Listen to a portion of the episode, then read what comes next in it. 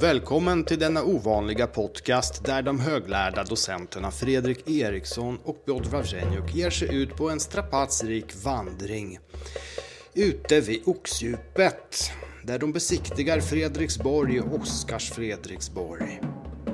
Där de besöker Rinde, Redutt och blickar ut över Vaxholm. Vi följer hur eh, geopolitiska förändringar inverkade på denna försvarsplanering och de byggnader som uppfördes för att försvara Stockholm. Liksom hur teknologiska förändringar snabbt gjorde dessa byggnadsverk och fortifikationer obsoleta.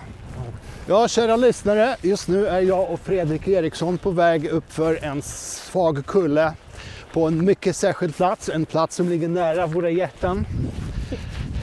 Ja, vi är på väg upp här mot, från parkeringen på väg upp till Fredriksborg som ligger och skyddar ett av inloppen till Stockholm.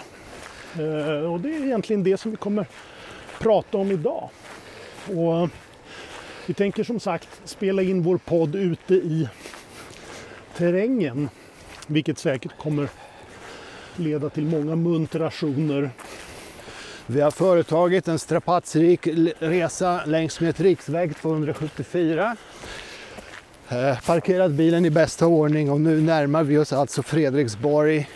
För det här är den inledande delen på vår podcastserie om kustartilleriet. Ja, kustartilleri och försvaret av Stockholm någonting som vi tycker, eller jag tycker är vansinnigt kul. Den här typen av verksamhet har ju lämnat också en stor mängd objekt som är tacksamma. Och lätta att besöka. Lätta att besöka, tacksamma och vackra att beskåda. Ganska bra tidsfördriv om ni skulle ha tid över. Och just nu så approcherar vi ingången till eh, Fredriksborg. Ja. Vänster om Fredriksborg kan vi se en bit av Oxdjupet. Ja. Färjan, Stenslätten, ja. Rindö.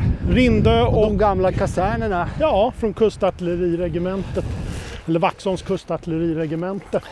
Fast dit kommer vi komma om en, om en ganska god stund. Utan just nu så kan det vara på sin plats att prata om hur man historiskt sett organiserat försvaret eh, tänkt kring försvaret av Stockholms inlopp, inloppet in i Mälaren.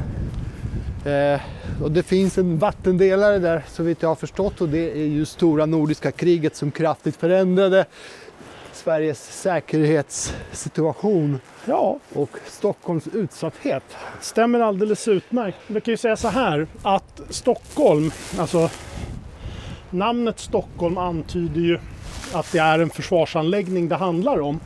Stockholmen. Eh, och den, eh, den skyddar ju egentligen inloppet till Mälaren. Men eh, genom historien så har man ju liksom flyttat försvaret längre och längre ut. Va? Men, men i korthet så finns det Eh, två inlopp till Stockholm.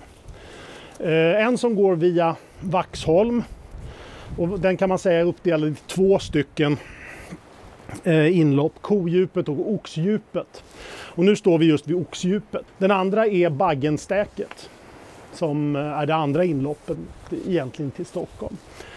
Eh, och man har försvarat de här på lite olika sätt genom, genom historien. Vaxholm har ju, har ju varit befäst sedan 1500-talet. Det ligger egentligen eh, på den ö där, där, där fästningen ligger idag så har det funnits ett torn eh, på 1560-talet egentligen så, så, kan man säga så här att Stockholms situation eh, är, är egentligen ganska välskyddad från 1600-talets början eftersom att Sverige besegrar Ryssland och i freden i Stolbova så, så, har Ryssland liksom inte tillträde till Östersjön längre. De andra fienderna som man har i Östersjön är ju Polen, men Polen har ingen flotta. Så att eh, alltså Stockholm är säkert på det sättet. Den makt som däremot har en stor flotta det är Danmark. Så, så länge man kan från svensk sida hålla Danmark i södra Östersjön så är mellersta Östersjön och Stockholm relativt säkert. Eh, det gör man ju bland annat då genom att flytta eh, flottan till Karlskrona som byggs eh, andra hälften av 1600-talet som, som marinbas.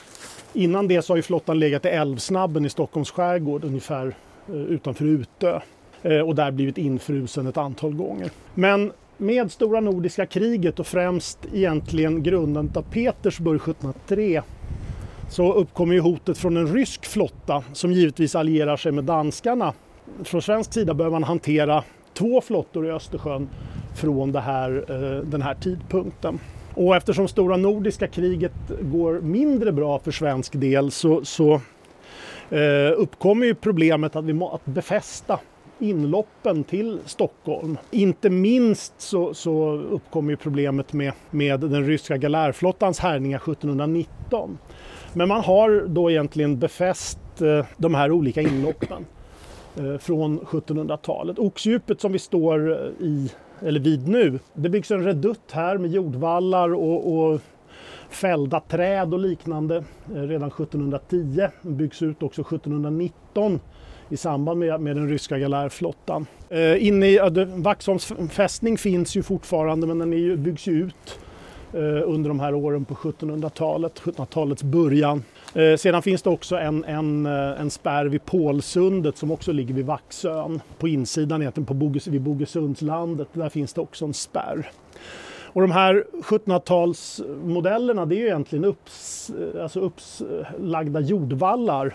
Nästan enligt ett, ett system med, med eh, i, i, nivåer egentligen. Det är lite Vauban-inspirerat men de här Vauban är liksom en fransk, eh, vad ska man säga, fästningsarkitekt. Eh, 1600-1700-tal alla fästningar. Småningom en fältmarskalk. Ja, han är fältmarskalk också för den delen. Det, det är precis det han är. Eh, det här är, är, är egentligen fattigmansversionen av, av, av en Vauban-fästning. Men man bygger egentligen jordvallar eh, och för placering av artilleri som någon form av, skansar. Det, är så här det ser ut och det bygger man även vid Baggenstäket eh, ungefär samtidigt. Där också utspelar sig ett fältslag 1719. Efter eh, Stora Nordiska kriget eh, det man också gör kan man säga i sådana här farleder är att sänka fartyg med sten i, som, som spärrar. Men i och med att Stora Nordiska kriget tar slut så genomför man en översyn av rikets försvar och och beslutar då att bygga eh, det som idag är Fredriksborgs fästning. Och de, det man kan se idag är, är egentligen en, en, en lägre version av, av densamma eftersom den ursprungligen har haft ytterligare några våningar på sig. Eh, men den står färdig 1735. Den består som sagt av ett, av ett centraltorn med, som är byggt i fyra våningar eh, och som skulle ha, på, ha ungefär, eller bestyckats med ungefär 40 pjäser.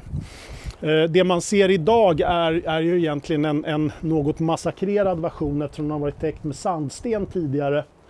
Eh, men sandstenen har brutits loss för att användas för att modernisera Vaxholms fästning.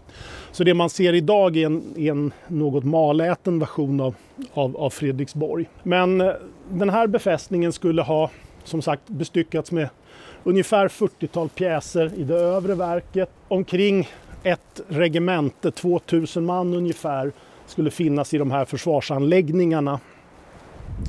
Den riktigt viktiga anläggningen ligger dock nere vid vattnet. Det är alltså Caponjären. som idag är bara en liten del kvar av. Den skulle ha varit större ursprungligen.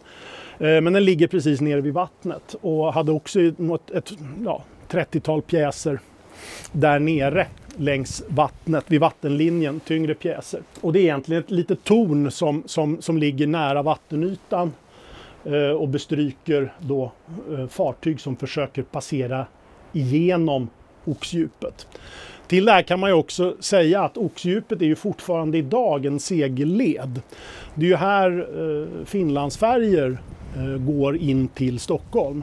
Och alla som har åkt Finlandsfärja vet att det är inte så särdeles brett detta sund. Eh, men man ser som sagt fästningen när man reser in den här vägen. Nu står vi här och blickar över Oxdjupet med eh, Fredriksborg, kastellet eller Fredriksborg. Med kastellet ryggen, ja. ryggarna. Och vi blickar över betydligt modernare fortifikationer. Vi ser färjan Rinde Stenslätten. Så är det. Lite till vänster och lite till höger har vi ju den moderna anläggningen som vi Ja. snart kommer in på. Precis. Det vi ser här är ju, hela det här befästningsverket kallas ju Oskar Fredriksborg. Som ju också då är namn på, på en ny eh, stadsdel där man har byggt, där man bland annat flyttat in i kasernerna men också byggt moderna hus i anslutning till det. Men, men det eh, jag och Piotr står och tittar på nu är, är, är den modernare delen av, av, av fästningen. Och som vi, som vi redan har sagt så bör man ju bygga ut eh, liksom Vaxholm eh, mitten på 1800-talet.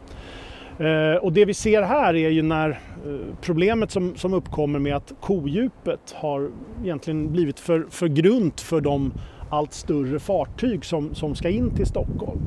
Och då är det oxdjupet som, som man muddrar upp och tar bort de försänkningar som har gjorts och det är det man kommer att använda eh, från 1870-talet. Det man har gjort i ett par hundra år. Ja, precis så. Eh, och man 1870, eller man kan säga så här, oxdjupet blir ju huvudsegelled 1867 kan man egentligen säga. Och 1870 så börjar man då bygga det som är, är den modernare fästningen. Den står färdig sju år senare. Och den här är, är ju egentligen då en, vad ska vi säga, en, en mellanform mellan Eh, äldre eh, befästningsprinciper och det som blir de moderna principerna som vi ser bland annat i Bodens fästning och, och, och liknande. Eh, och den här fästningen den står som sagt färdig 1877 och den består alltså av en huvudfästning som egentligen är nedsprängd i berget. Eh, men runt omkring den så finns det eh, också murverk som då antyder att det här är en, en, eh, en liten mellanform eh, som liknar eh, de andra befästningarna i Vaxholm. Den här är bestyckad med, lite längre fram, så är den bestyckad med ganska kraftiga kanoner, 24 cm kanoner i öppna pjäsvärn uppe på fortgässan. Men det finns också kassematter nere vid vattenlinjen som man kan se om man, om man reser hit. Där kanonerna är riktade ut mot farleden. Eh, bara några meter från, från, från vattenytan. Till det här så är det också ett antal gevärsgallerier. De här så kallade donjonerna, eller donjoner som man kan säga på svenska. Eh, som man kan se i vissa eh, vinklar på, på, på den här befästningen. Och det, det är där som är, är egentligen infanteribesättningen som skyddar den här, eh, Eh, den här fästningen, eller alla fästningar. Eh, det lättaste sättet att, att, att inta en sån här befästning, eh, en kustartillerifästning, är ju egentligen inte från vattnet utan den, den här kustartillerifästningen kommer alltid ha bättre läge med sina pjäser gentemot ett fartyg. Eftersom pjäserna på land står still, inriktade och väl förberedda. Fantastiskt. Både jag och Piotr tystnar nu eftersom en havsörn glider förbi på 50 meters avstånd. Fantastiskt. Men som sagt, de pjäser som är, baser, eh, som, som är eh, förlagda på land kommer alltid ha bättre läge eh, gentemot pjäs som finns på fartyg. För fartygen rullar och har mer problem med att, med att faktiskt träffa det de ska. Pjäserna på land är redan inmätta och med var de ska skjuta och liknande. Så att det bästa och enklaste sättet, är det är ju inte enkelt på något sätt egentligen, men det sätt som är man föredrar om man ska ta en sån här fästning, det är att landstiga med, med, med marktrupp och sedan inta fästningen. Eh, så den, den fästning som vi står och har i ryggen, den här Fredriksborg från 1730-talet, den är egentligen till för att skydda kaponjären nere vid vattnet. Eh, så att den inte tas från landsidan. Infanterifästningen i, i, i den moderna 1870-talsversionen är ju som sagt till för att fienden inte ska landstiga på Rindö och gå fram och anfalla eh, fästningen från landsidan. Det är det som är, är själva poängen. Så att alla de här befästningsverken som man ser, de skyddar egentligen kustartilleripjäser. Tacksamt nog för oss som är här denna underbara decemberdag och traskar omkring så blir ju kustartilleriställningar snabbt obsoleta. Så Ja. att man bygger ut ständigt nya. Ja. Utöver att man moderniserar så bygger man också ut och lägger till. Ja. Nu befinner vi oss vid Mytingelinjen. Ja, vi befinner oss i, i, i det som byggs ut egentligen i början av 1900-talet. Och nu har vi ju redan stått uppe vid Fredriksborg som är 1700-talsversionen. Eh, mitt emot den så finns den moderna 1870-talsfästningen, då, det som är Oskar Fredriksborg. Eh, och några hundra meter ut på Värmdösidan här så ligger det som man bygger eh, 1899, egentligen står färdig 1903, den så kallade Värmdölinjen eller Myttingelinjen. Eh, och jag och Piotr befinner oss just nu i det som är sjunde batteriet. Och den här linjen består egentligen av sju batterier. Eh, eller batteriplatser, det är egentligen inte batterier eh, på det viset. Utan det är, vissa av dem är artilleribatterier men ganska många av dem är infa öppna infanteriskansar eh, som är byggda. Och i de här befästningarna så finns det lite olika typer av, av beväpning. Det här sjunde batteriet som vi befinner oss vid ligger nära, närmast se oxdjupet egentligen.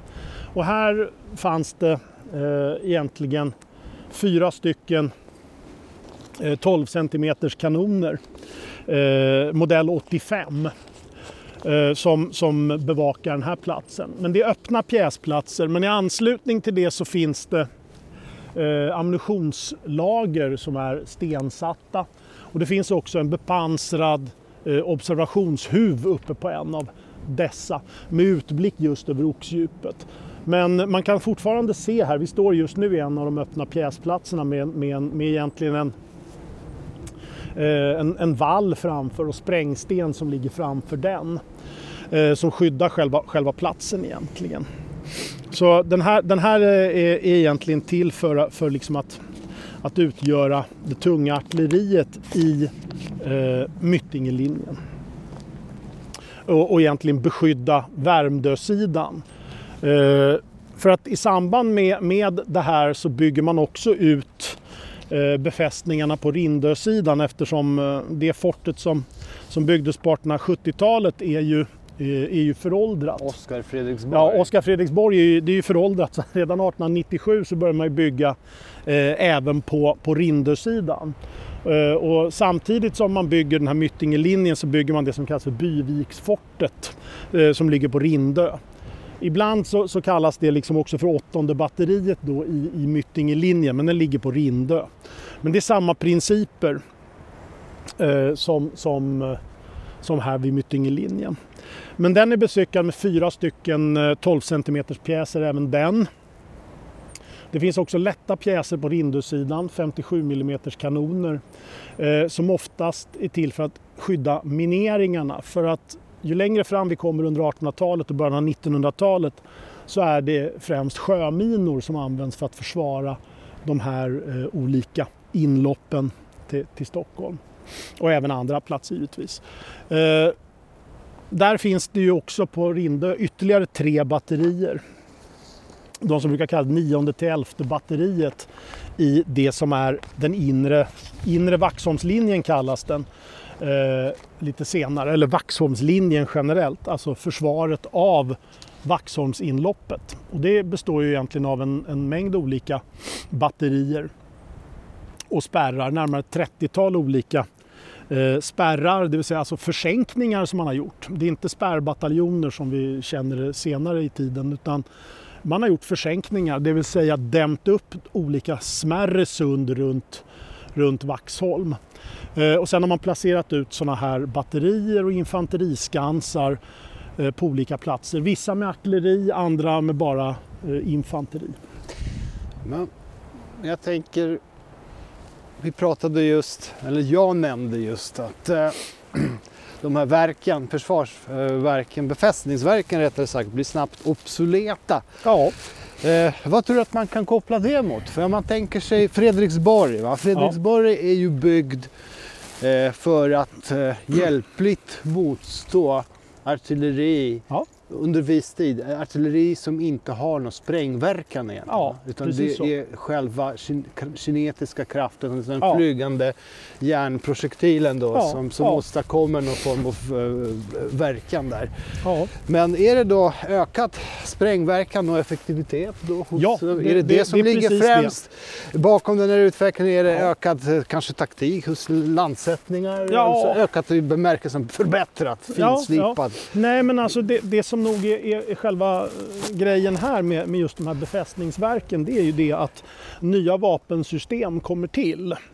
Eh, så att när man då mm, liksom bygger ut Vaxholms fästning så eh, blir ju den ganska snabbt föråldrad eftersom att artilleriets utveckling Eh, går framåt under 1850 och framförallt under 1860-talet med, med eh, amerikanska inbördeskriget och de, de, de vapensystem som kommer då. Eh, så att artilleriets sprängkraft och, och genombrytningsförmåga ökar egentligen. Så därför blir de befästningarna med murverk så att säga snabbt föråldrade.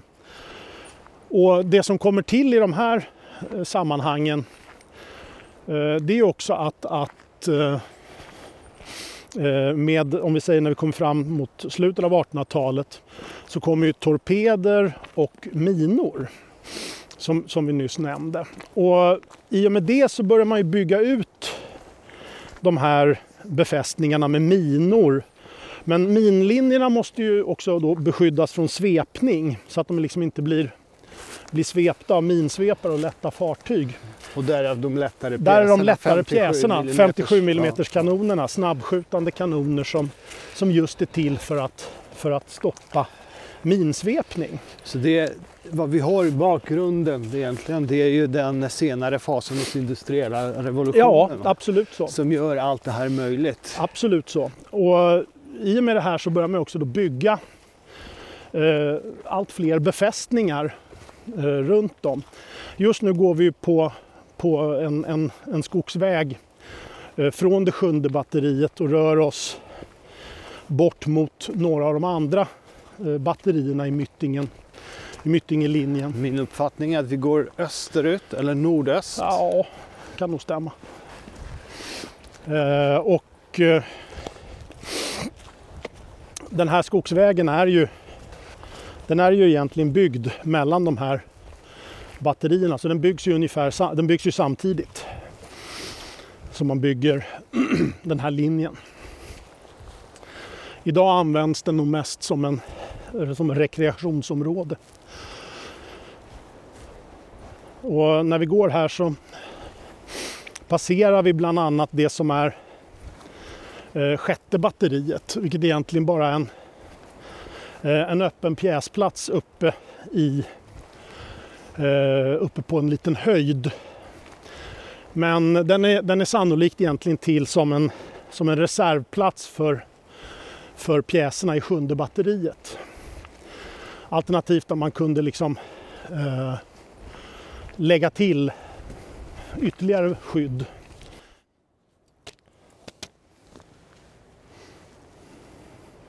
Och nu befinner vi oss vid batteri nummer fem Ja, vid Myttingelinjen. ja. Eh, det här är, då ett av de batterierna eller forten eller vad man ska säga. Det brukar kallas för Vretafortet ibland. Men det här är, det här är egentligen eh, en av de eh, befästningarna som finns i den här Myttingelinjen. Och Myttingelinjen byggs ut ungefär samtidigt som, som kustartilleriet eh, grundas 1902.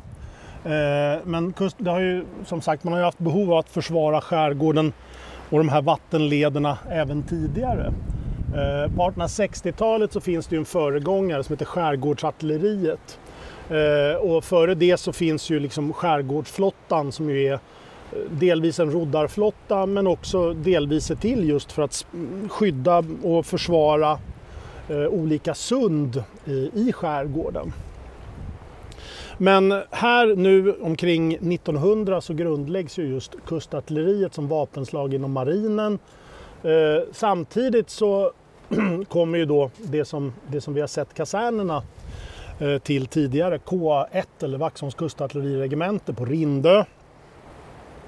Och eh, i samband med det här så, så grundläggs också det, man, det som finns i de här kasernerna Eh, är ju själva kustartilleri, kustartilleripersonalen, de som utbildas inom det. Men också Vaxholms grenadjärkår som sätts upp samtidigt eh, när man övergår till värnplikt. Och den är då tänkt att vara infanteribesättning i Vaxholmsfästningen. Den här Myttingelinjen däremot eh, skulle försvaras av ungefär 1500 till 2000 man i landstormen. Det vill säga sin tids lokalförsvarsförband med lite äldre värnpliktiga. Eh, men ungefär tre bataljoner någonstans mellan 1500 och 2000 man i de här ställningarna. Och det som vi står i nu är en, en, eh, en liten en pjäsplats egentligen för en kulspruta för det som finns i de här fästningarna, förutom kanonbeväpning i vissa av dem, långt ifrån alla, är eh, det som är Eh, kulspruta modell 1894 av typen palmkrans. Det är alltså en fempipig kulspruta. Eh, och då, bakom oss nu, nu ser vi inte det för det är övervuxet, men så finns det en räls Eh, Eh, så att de här kulsprutorna är monterade på små kärror, eller vad man ska säga, små järnvägsvagnar som man drar på, på räls och sen för, för in i ställning. Så det finns ett antal olika ställningar. Så kan man flytta de här kulsprutorna runt i det här. Och nu ser vi egentligen inte särskilt mycket från den här pjäsplatsen som egentligen är, är ja vad ska man säga, det är, det är cement, betong utbyggt. Eh, eftersom eh, skogen har växt upp en aning men rakt fram från det vi ser så ligger egentligen en vägsträckning här nere som går ner till en vik eh, här nere som är, som är egentligen det som den här befästningen skyddar, vägen här nere. I anslutning till den här, det här batteriet, så om man fortsätter i östlig riktning så finns det en, en Eh, mur, en stenmur som är upplagd längs vägen som egentligen då är en skyttelinje. Eh, vilket man kan se ganska tydligt eftersom det finns plats för ammunition i, i, i den här eh, linjen. Så vi kommer fortsätta i den riktningen nu tänkte vi oss. Så får vi, får vi se vad, vad världen har i sitt, sitt sköte. Här finns fullt med souvenirer. ja, det finns fullt med souvenirer. Betongskärvor. Klottrare och annat. Eh, järnstänger av okänt ursprung. Ja. Det man ser här när man kommer upp i, i det här batteriet är ju egentligen Först är det en stormningsgrind som stänger själva området. Men man ser också eh, en kasematt i mitten av befästningen som är nersprängd i berget. Och det här visar också liksom hur, vilken, vilken typ av fästning den här tillhör. Men i det här så, den är vattenfylld nu till, till stor del. Men det finns ståldörrar och det finns trädörrar som nog sannolikt kan vara eh, original. Just nu ganska vattenbemängda sådana skulle jag, skulle jag tro. Men inne i den här befästningen, en gång i tiden har, har man kunnat gå ner och in i den här. Vilket jag har gjort i min vilda ungdom. Eh, men som sagt, det, det, just nu är det nog, nog svår. Jag tror att den här, just det här batteriet skulle väl ungefär ha en ha en besättning på 50 man. Alltså en, i stort sett en, en gevärspluton av tidens omfång. Utmärkt. Så, nu är vi på väg in i det som är det största, den största anläggningen i Myttingelinjen, alltså tredje batteriet, eller Myttingefortet. Och alla som har besökt Bodens fästning, sett Rödbergsfortet och såna här eh, kommer känna igen delar av det eftersom att centralfästningen är den här, det är nedsprängt i berget i mitten och runt hela fästningen så går en spränggrav eller stormningsgrav. Och vi står i en av dem, nu alldeles vid ingången egentligen, till, till det hela. Och på ena sidan av oss är den igenmurad eh, Eh, egentligen post. Det här är alltså infartsposten till, till det hela. En kulsprutebeväpnad sak. Men det finns andra befästningar rakt framför oss så har vi en av dem. Därför att det här fortet hade egentligen sex stycken 8,4 cm pjäser modell 81 i, i pansartorn och de sitter då liksom på den centrala delen av, av befästningen. Men eh, det som egentligen skyddar de här, den här spränggraven, eller stormningsgraven som den heter, det är ju de här 57 mm kaponjärpjäser som de heter. Det vill säga egentligen modell 98 om man vill vara sån. Eh, det är egentligen stora hagelbössor som är avsedda att skjuta liksom kartescher ner genom de här stormningsgravarna. Och, så att det här är egentligen så som man bygger fort omkring år 1900. Eftersom att eh, sprängkraften i granater och liknande har ökat så pass mycket så spränger man ner själva fortet i, i vet du, Eh, berggrunden, i, urberget. Och sen så bygger man kaponjärer och utanpåverk med eh, liksom bestrykningsvinklar ner i, i den här stormningsgraven som vi traskar i just nu. Och eh,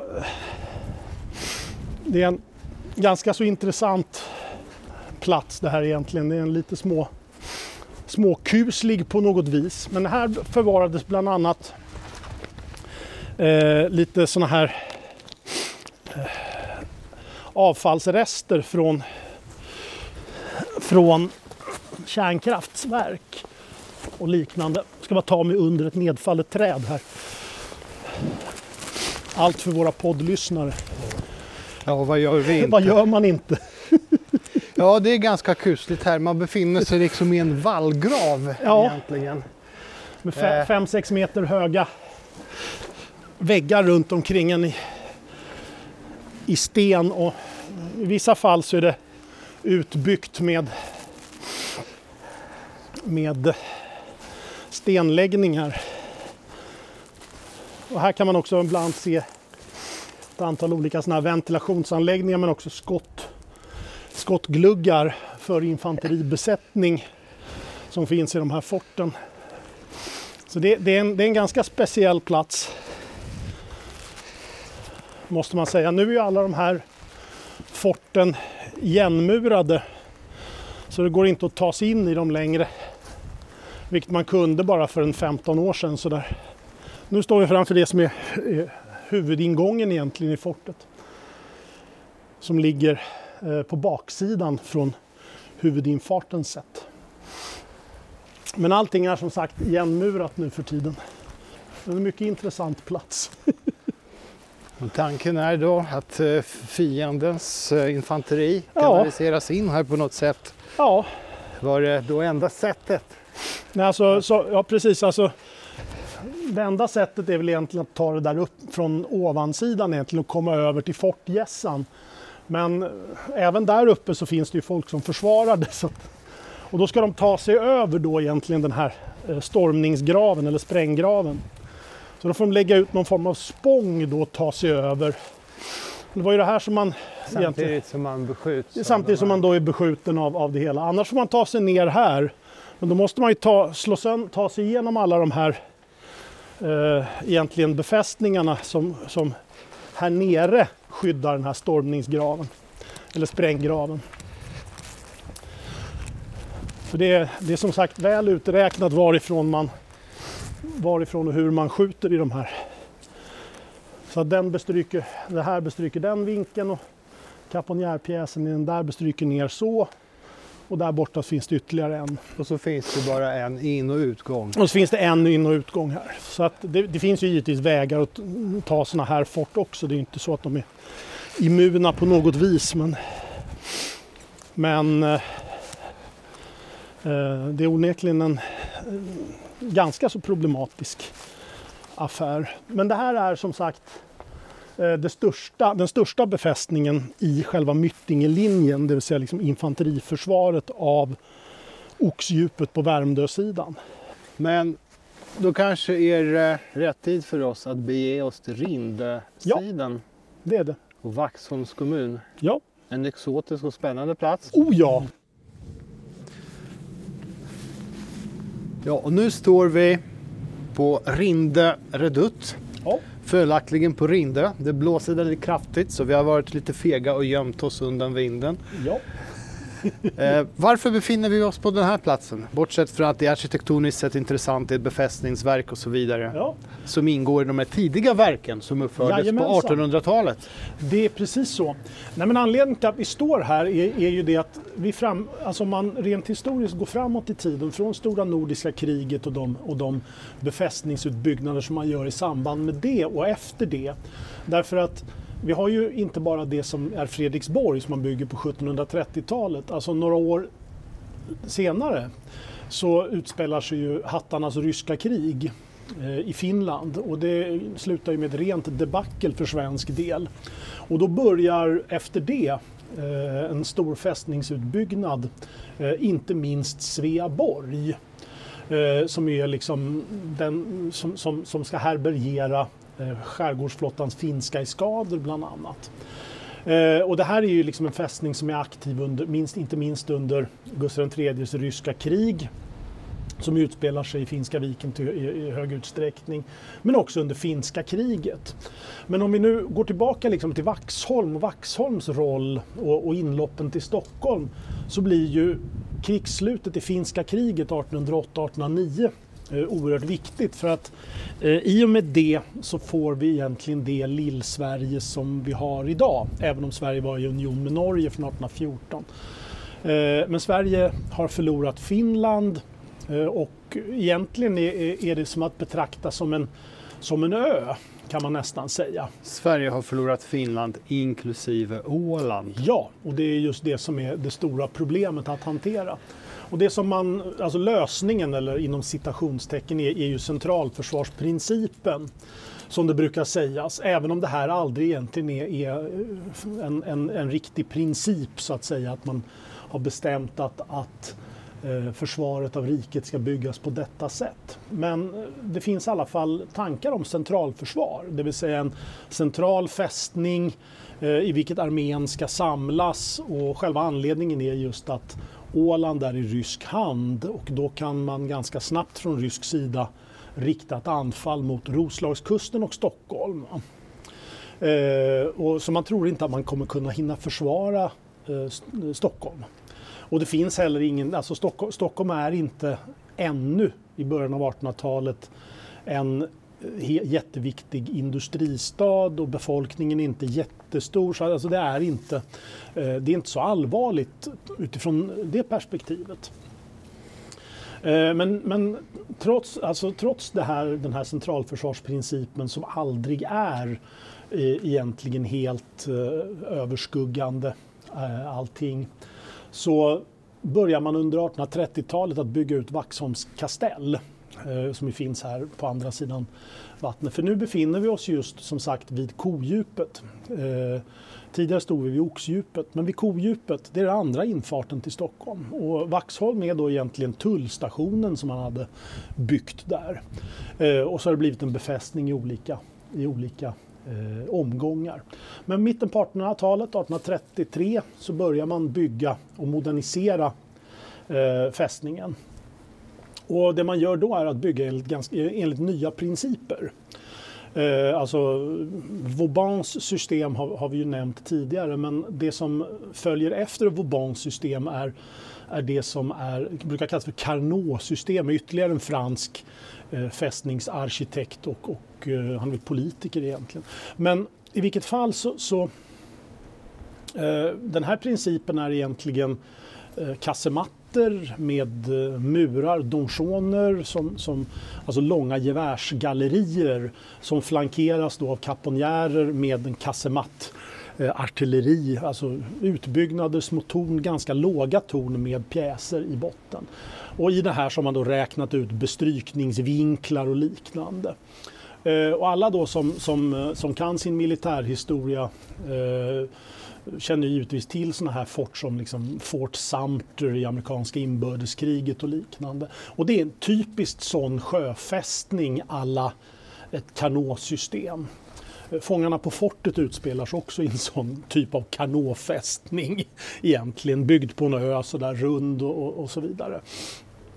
Men man börjar bygga ut Vaxholms kastell och då tar man ju också då sandsten och annat från Fredriksborg Eh, på andra sidan eh, Rindö egentligen.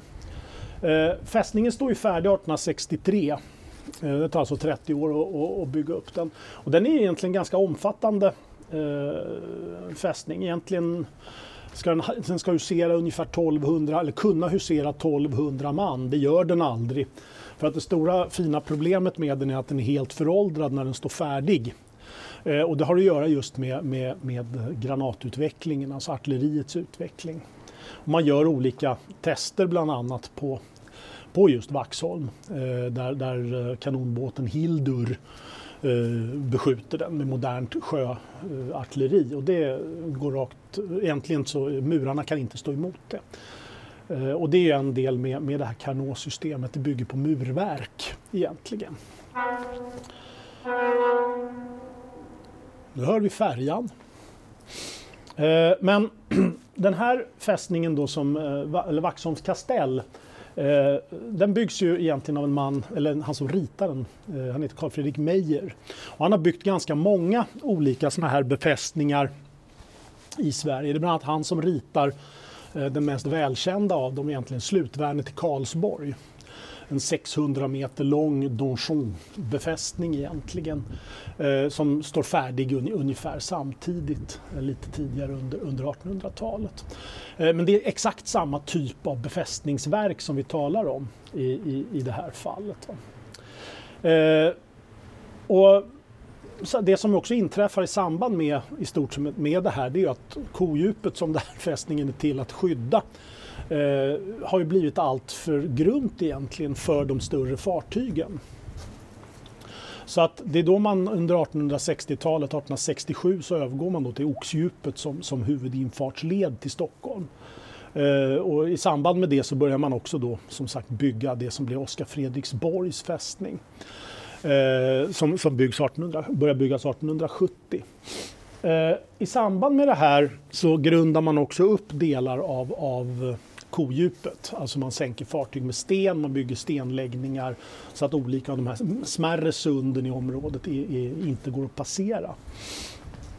På Rindösidan, där vi nu befinner oss, så börjar man eh, i slutet av, av eh, 1850-talet, 1858, så börjar man bygga det som är Rindö redutt. Och det är ju då alltså egentligen försvaret på Rindösidan eh, som ska komplettera då egentligen eh, fästningen eller Vaxholms kastell. Och Rinderöd står ju också färdig då egentligen eh, några år in på 1860-talet. Problemet är ju att återigen så är ju den här fästningen som vi nu står i, eh, den är ju föråldrad när den är, är färdig. Det, det, är det som är Ganska problemet. vanlig utveckling. Ja men precis så. Och eh, den här, den här Rinderödutt är en ganska klassisk sån här Carnot-fästning med ett långt gevärsgalleri i mitten och så två stycken större eh, kassematter egentligen på, på vardera sida om dem med artilleri i. Eh, och det här är, problemet är, är ju som sagt att, att den är föråldrad så att ganska tidigt så behöver man börja bygga om den här fästningen. Och det börjar man göra eh, genom att bygga det som kallas för tolfte batteriet. Och alltså den här numreringen, det är det som, som finns i, i den så att säga inre Vaxholmslinjen som den kallas. Den kallas inte den inre linjen från början för det här är Vaxholmslinjen. Liksom. Det här är försvaret av Stockholm Det är den linjen som finns. Det är den linjen som finns. Den blir den inre när, när man längre fram flyttar den till den yttre Vaxholmslinjen som ligger utanför denna. Eh, men eh, då börjar man bygga det som är tolfte batteriet. Och tolfte batteriet är eh, en ny typ, de började byggas under 1880-talet. Och det här är en ny typ av, av fästning egentligen. Eh, som, som, som eh, egentligen med nedsprängt i berget med spränggravar och stormgravar och sådana här saker. Eh, som vi kommer utveckla lite senare. men det finns också en, en, en kaponjär med tornpjäser i det här fallet.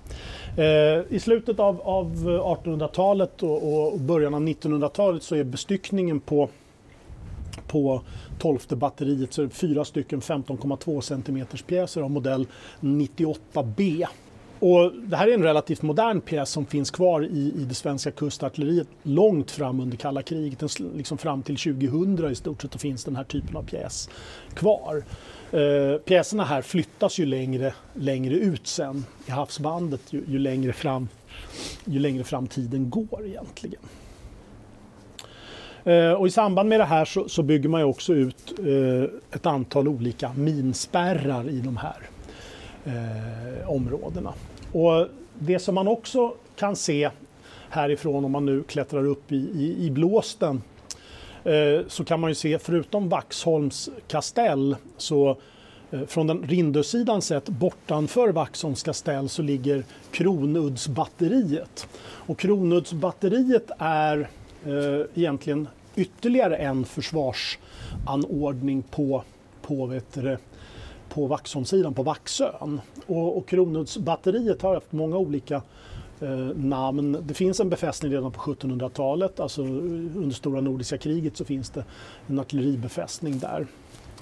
Eh, lite längre fram i början av 1800-talet för, för eh, före eh, finska kriget så kallas det här för portugisiska batteriet ibland eftersom det är bestyckat med, med eh, portugisiska pjäser.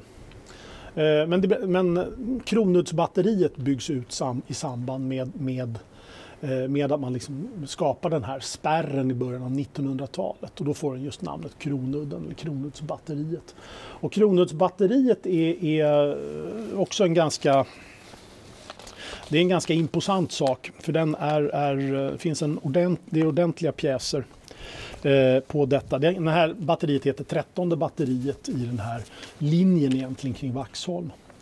Eh, och där finns egentligen fyra stycken 27 cm kanoner av modell 1874 och även två stycken 23 cm så kallade bombkanoner som man har. Eh, så det är alltså väldigt grova pjäser men de ligger i bestrykningsvinkel egentligen anslutning till eh, batteriet på Rindösidan så de liksom bestryker, kan bestryka varandras områden och såna här saker. Så det, det, är så det här försvarssystemet är utbyggt. Eh, så Kronuddsbatteriet, och där, det är det som idag inne i Vaxholm är en, är en liten parkanläggning egentligen, där man fortfarande kan se vallarna och man kan se också eh, eh räl, räls i, i, mm, i marken mm. Från, från de här pjäserna som står i någon sån halv eh, Eh, räls där man kan röra dem egentligen i sidled. Platsen kan besökas och där finns ja, en liten informationstavla finns också för alla vetgiriga. Ja, absolut så. Absolut så. Eh, I, i, i, runt omkring det här också så finns ju eh, ett antal andra batterier som är mer svårbesökta. På Edholmen så ligger tre batterier bland annat längre bort längs liksom lite längre ut här, men man, man, man kan se dem egentligen inifrån, inifrån Vaxholm nästan. Eller alltså i alla fall Edskär. Eh, vid Lillskär så ligger det ytterligare ett eh, batteri. Och det ligger egentligen under vägen över, om man åker den stora vägen, eh, 274, eh, över till, eh, liksom in i Vaxholm, norrifrån. Då passerar man platsen där det finns en, eh, en av de här du, batterierna som, som spärrar egentligen Eh, en, en ganska trång och bänglig väg in. Men det skulle potentiellt gå att ta sig in den vägen också. In mot Vaxholm och vidare in genom, genom kodjupet. Eh, ytterligare ett batteri ligger på Bogesundslandet på andra sidan. Eh, den som kan kallas för Pålsundsspärren eller Pålsundsbatteriet. Den, lig, den, ligger också där, den har 4-10 cm kanoner och framladdningsmodell. Men de här egentligen läggs ner redan 1903 när man bygger ihop den här linjen. Eh, så det man gör på de här andra platserna är att man liksom gör sten, eh, sänker sten i, i de här passagerna egentligen och försvårar inträngning den vägen. Så att hela det här batterisystemet, totalt så består det egentligen av ett 30-tal, 40-tal olika installationer och skansar och, och, och liknande. Eh, så den plats vi befinner oss nu det är ju liksom Rindöredutt Och den, den, den finns ju kvar egentligen i organisationen ända fram till 1925. Hela den här linjen finns ju kvar fram till 1925. Och 1925 års försvarsbeslut när man lägger ner eh, just själva Vaxholmslinjen i samband med att man flyttar kustförsvaret längre ut i skärgården. Eh, det innebär inte att de här platserna Eh, inte längre är militära utan de fortsätter att vara militära under, under lång tid framåt. Eh, Rinderödutt är exempelvis lager eh, under andra världskriget. Flera av de här platserna som vi har besökt eh, är också lager och de är befästa och bemannade under delar av andra världskriget. Eh, Artilleri, luftartilleri, eller luftvärnsställningar byggs på flera av de här platserna. Och som sagt, Rindö är ju egentligen eh, platsen för kust, kustartilleriregementet här i Vaxholm. Så att den här platsen har man ju utbildat värnpliktiga på ända fram till 2000 när, när våra politiker i sin vishet valde att lägga ner detta eh, kustartilleriet då inom, inom marinen. Tack för att ni lyssnade. Vi har för avsikt att fortsätta med denna serie under 2022. Nu är vi alldeles utmattade av allt detta vandrande. Så vi tar avsked och tack.